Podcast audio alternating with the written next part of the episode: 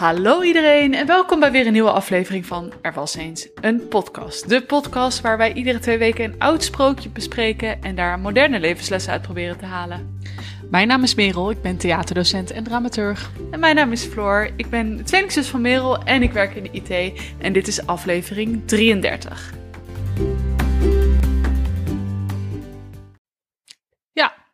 Double digits. Double digits. En Merel, omdat het deze week Internationale Vrouwendag was, heb ik een sprookje uitgekozen waarin de vrouw niks te zeggen heeft en ook geen agency heeft. Surprise, surprise, surprise. Ja. Je Maar- verwacht het niet. Deze podcast, joh. Ik kreeg trouwens een vraag op Instagram of er ook eh, queer sprookjes zijn. Goeie vraag. Eh, ja, En? ik bedoel, nou weet ik niet. Ik heb er nog geen Oh. onderzoek naar gedaan. Waarom maar, zeg je het dan? Nou ja, gewoon om even nog in het thema van de vrouw te blijven. Kijk, ik denk dat we op een gegeven moment moeten beslissen: gaan we ook nieuw repertoire voorlezen? En of kan nieuw repertoire wel een sprookje zijn? Of zijn sprookjes per definitie oud? Nou, dat denk ik niet, maar het staat wel een beetje... We hebben besloten dat wij oude sprookjes gaan bespreken, omdat die heel duidelijk met een soort van moraal zijn geschreven, zeker Ja, vroeger. Ja. Eh, en die proberen we eruit te halen. Dus ik heb niks tegen queer sprookjes. Eh, en misschien is het wel, wel leuk om eventjes uit te zoeken of dat dus bestaat. Eh, of ze daar vroeger mee bezig waren met genderidentiteit en dat soort dingen. Ja, natuurlijk waren ze mee bezig, maar of het ook opgeschreven is, bedoel ik. ja. Nou, mocht je weten van een queer sprookje, laat ons dan weten. Want het, eh, wij zijn er erg in geïnteresseerd. En het is ook wel leuk om een keer een mythe te doen of zo. Zeker. Maar goed, dat gaan we vandaag niet doen. Nee. Ehm, want de vorige twee podcastafleveringen waren best wel lange sprookjes en ook best wel zware sprookjes. Eh, dat waren de Birin en de Kickforce Prinses, als ik me niet vergis.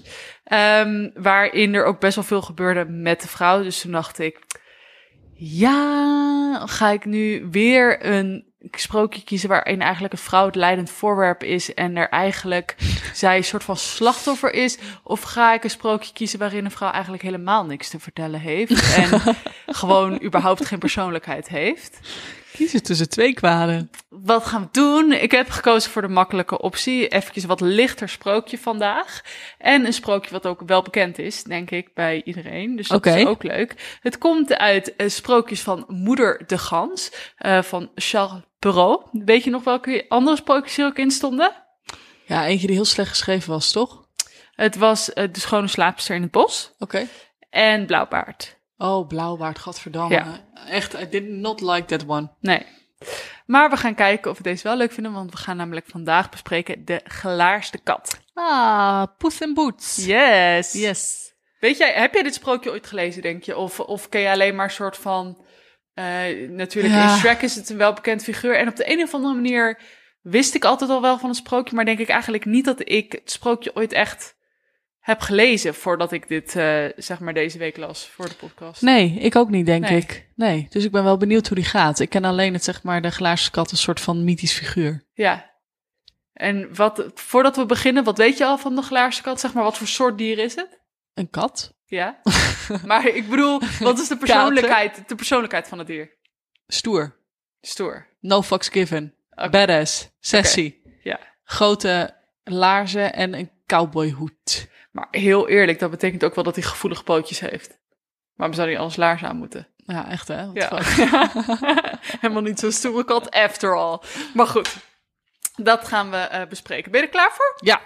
Oké, hier komt hij dan. De gelaarste kat.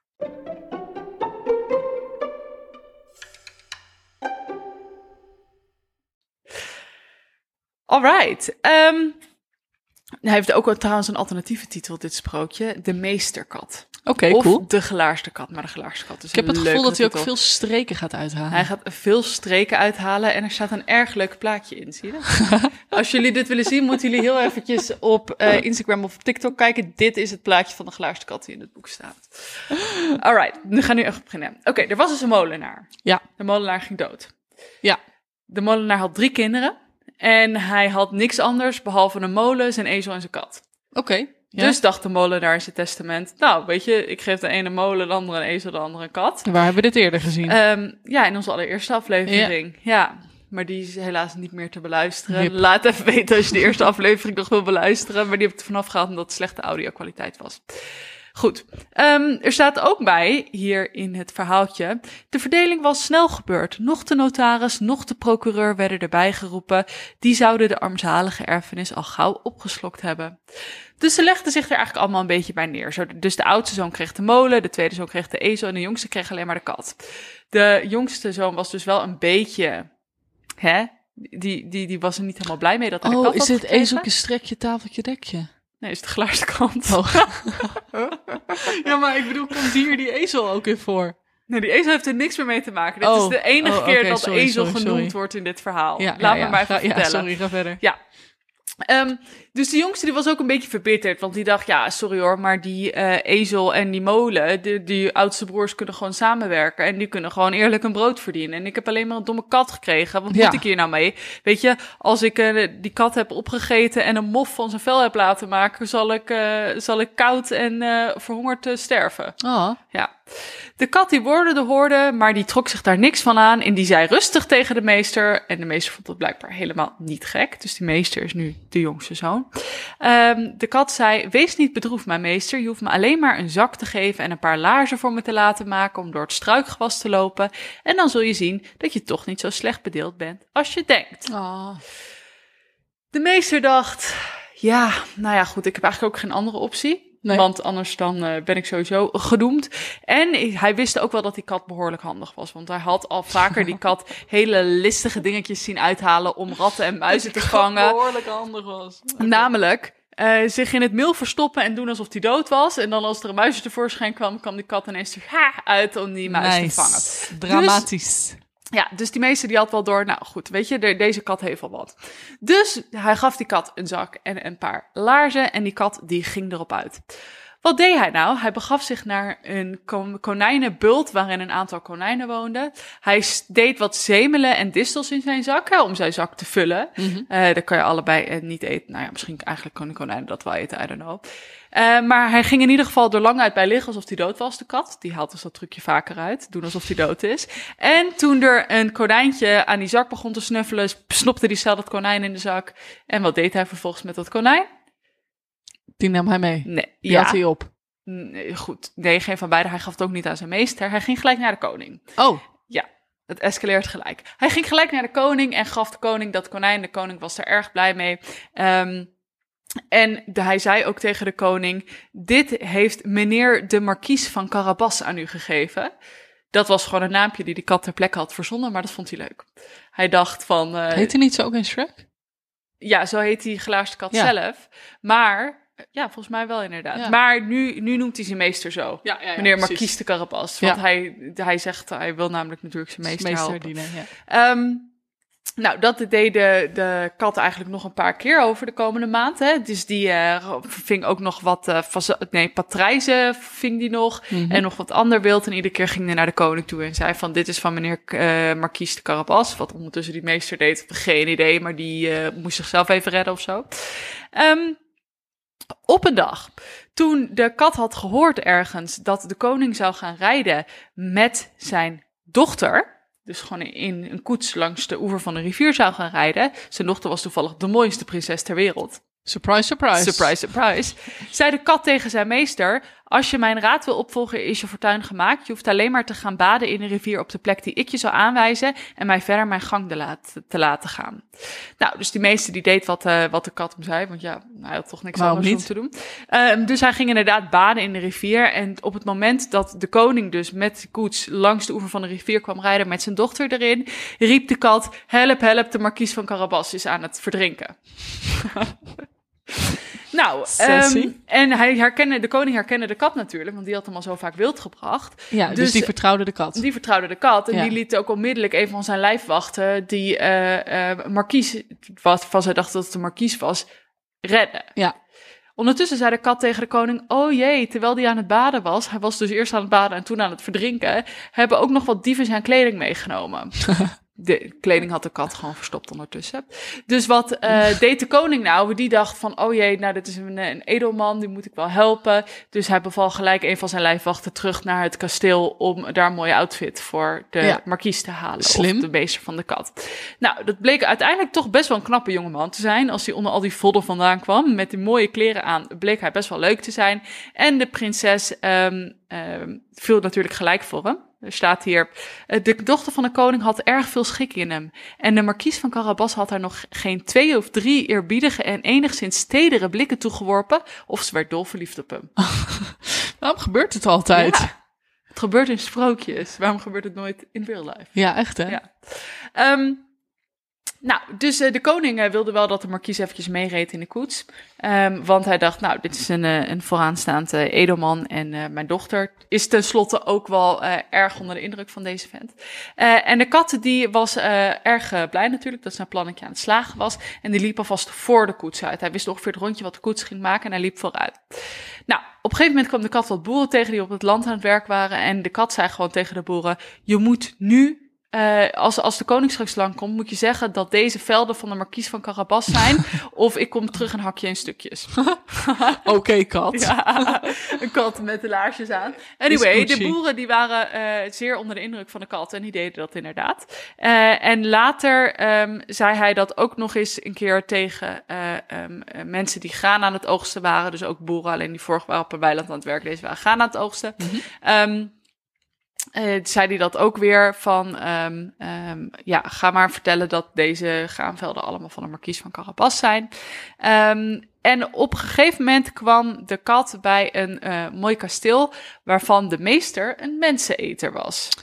Hebben we hem weer hoor. Hebben we weer de menseneter. Oh mijn god. De menseneter komt ook? altijd random een keertje op. Ja, was het ook bij Chaperon de vorige keer?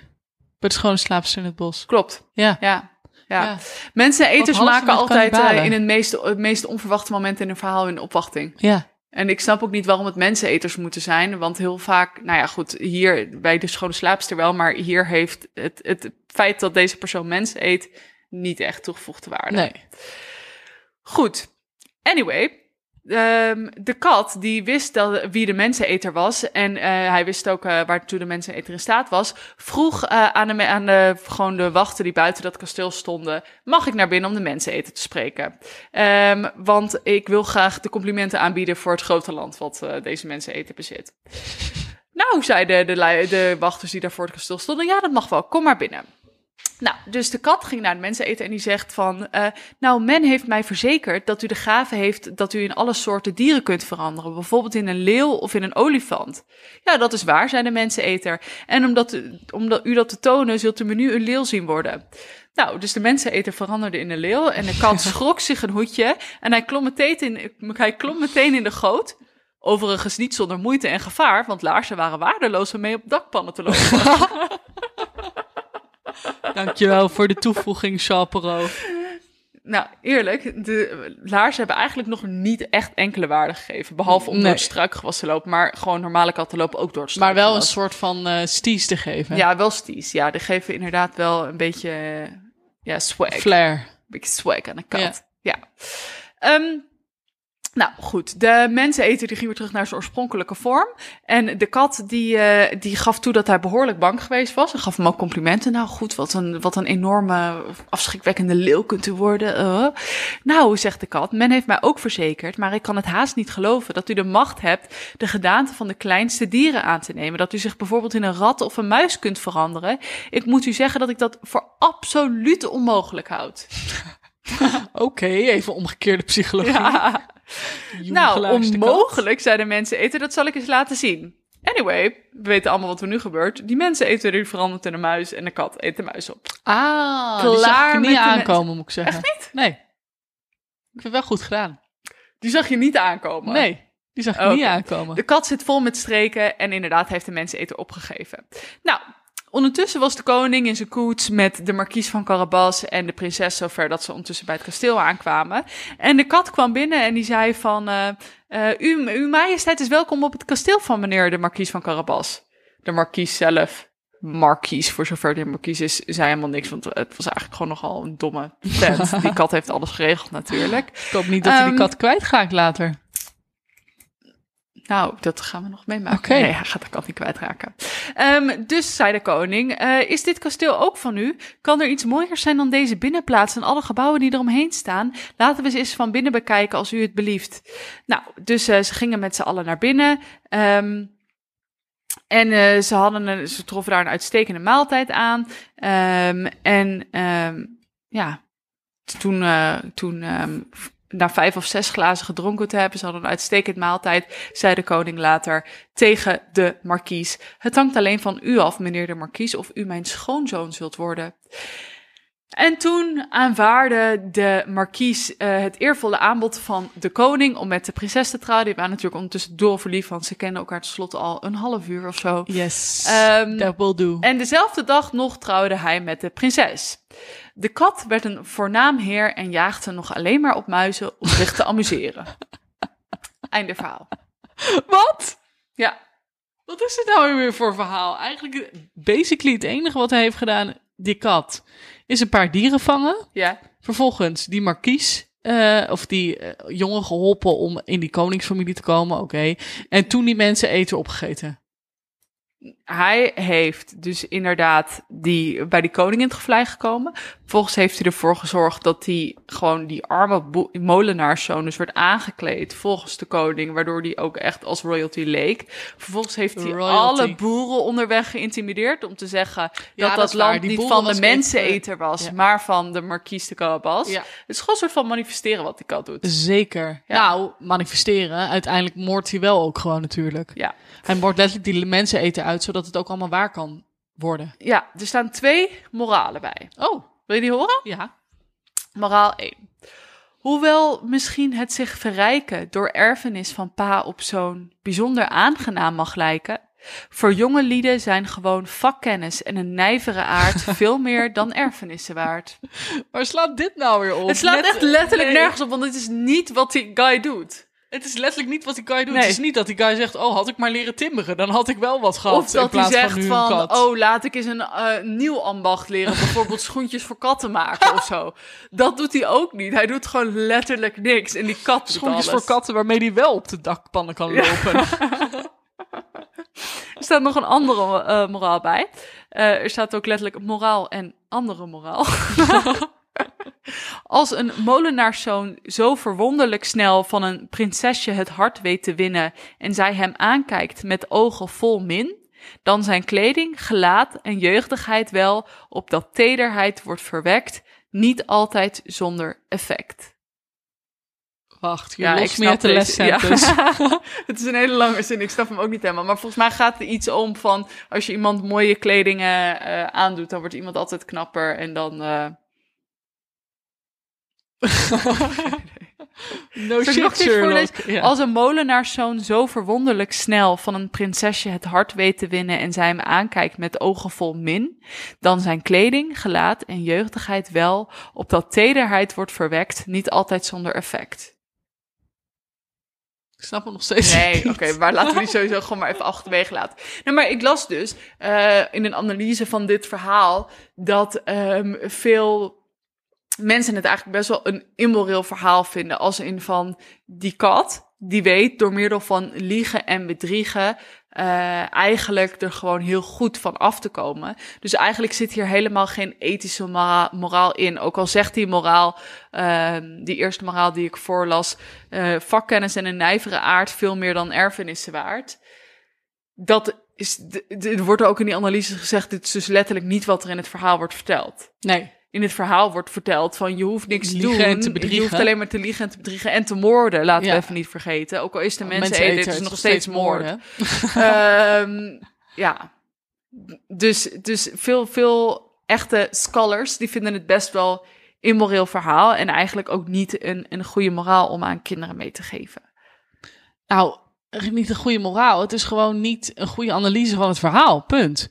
En I don't care of Charles Perrault dit zelf heeft geschreven en daarna zelf probeerde een moraal op te hangen. Je hebt het gewoon niet goed het verhaal ontleed. Dit is niet wat je hebt verteld. Ja, dus dit als- zijn niet de tekens die je hebt afgegeven, Nee. Charles. nee. nee Dramaturg. Ja, nee, toch? Dus, ehm, Wat denk jij wat de moraal van het verhaal is? Nou, ik zit even na te denken. Misschien wel zoiets als accepteer hulp vanuit onverwachte hoek. Ja. Dus daarmee doel je op de kat die ineens helpt. Zeker. Dus je denkt in het begin, "Ugh, heb ik alleen maar gore katten, geen molen. Ja. Eigenlijk blijkt de kat natuurlijk veel meer waard te zijn dan de molen. Maar misschien Oh, is dan de moraal, een gegeven paard moet je niet in de bek kijken. Oké, Want ja. hij was natuurlijk best wel bitter in het begin. Hij was Ja. op zich niet, niet eh soort van onwelwillend om hulp te accepteren van die kat. Hij Ja. dacht eigenlijk gelijk al wel, ja, ik heb toch niks te verliezen, dus wat maakt het uit? Ja? Zeker, dus dat is het- ook. Maar ik vind ook, onverwachte hulp kan uit onverwachte hoek komen, ook een goeie. En ik weet nog een goeie. Wat? Laarsjes zijn niet overal voor geschikt. Je hebt wandelschoenen en je hebt zitschoenen. Are you listening at my boyfriend? Heeft hij ook stiesilaarsjes waar je niet eh, mee rond kan lopen? Zekers te weten. Had ik vandaag nog laarzen aan waar ik niet echt mee rond kon lopen? Yes. Yes. Dus ook at me. Ja. Ja, nou goed. Anyway, die, die laarzen hebben wel die kat meer goed gedaan dan slecht. Want Dit is uiteindelijk... echt ziek schattig. Kijk, staat ook voorop. Ja, Dit, eh, ja, deze dus. ja. Want uiteindelijk is hij natuurlijk wel ehm, eh, gewoon er goed van afgekomen. Hij is niet opgegeten door leeuw en hij was wel Maar snel genoeg op zijn laarsjes om die laarsjes muis op te ha- eten. aan ook alweer? Ja, om door het struikgewas te kunnen lopen. Maar had hij die al aan het begin? Nee, Oh, die die heeft, die heeft Ja, hij gekocht ja, toen hij al die streken ging uithalen. Ah. En misschien werd hij daardoor ook wel meer gewoon serieus genomen. Hè? Want we willen altijd zeker. doen alsof kleding en uiterlijk er niet toe doet. Maar je moet jezelf toch op een bepaalde manier gewoon branden. En gewoon in de markt zetten en verkopen. En eerlijk gezegd, gewoon kat die dingen doet of gelaarste kat maakt toch wel meer indruk. Ja, hè? Dat je zegt van, oh, een kat kwam mij een konijn brengen. Denk je van, ugh, komt zo'n kat met zo'n goor konijn bij de nekvel gepakt. Al de hele nacht mee door het bos gesleept. Of je zegt, er kwam een gelaarste kat in een zak kwam mij een konijn brengen. Zeker. Dan denk je, oh, oh, oh, dat wil ik wel zien. ja. ja. Dus, moraal van het verhaal. Moraal nummer 1. accepteer hulp uit onverwachte hoek. Moraal 2. Een gegeven paard nooit in, de bek kijken. Waarom is het eigenlijk niet in de mond kijken? Want paarden hebben toch geen bek. Hoezo niet? Ze hebben ook geen poten, ze hebben benen. Omdat het edele dieren zijn. Ja. Ja, daar geloof ik niet Goed, in anyway, het, verhaal, het, het gaat natuurlijk zo, geef paard niet in de bek kijken. En moraal nummer 3. Steezy laarsjes zijn niet voor alles geschikt. Maar wel goed om jezelf goed in de markt te zetten. Wel goed voor de branding. Ja. En daar laten we het dan bij. Deze Daar laten keer. we het bij. Nou, eh, het was een wat kortere podcast. We hopen hoe dan ook dat jullie het leuk vonden. Eventjes wat minder zware kost vandaag. Ehm, ik eh, wens jullie allemaal een erg fijne dag nog toe. Eh, dat jullie maar even veel aan katten met laarsjes mogen denken. Ik zit net te Ja? denken, ik zeg de hele tijd Steezy laarsjes, maar misschien moeten we even uitleggen wat Steezy is. Vertel het. Steezy is een samenvoeging van stylish en easy. Steezy. Easy, easy stylish. Je trekt wat laarsjes aan en je bent een andere Ja, man. het is gewoon eh, moeiteloos fashionable. Nee, wacht. Hoe zeg je dit in het Nederlands? Het is echt onnodig Engels taalgebruik. Moeiteloos modieus. Dat is het. Moeiteloos, modieus. Oftewel steezy laarsjes. Ja. Goed. Ehm, dat jullie er nog maar vaak aan mogen denken, aan katten met laarsjes. Ehm, en dan zijn wij er over twee weken weer. Eh, vind je dit nou leuk? Check ons dan eventjes op Instagram. Eh, we zijn nu ook op Reels, we zijn nu ook op TikTok. Heb je suggesties voor volgende sprookjes? Laat ons dat ook eventjes weten op Instagram. Er was eens een podcast. En dan eh, hopen wij dat jullie over twee weken weer naar ons luisteren. Yes. Oké, Oké. doei!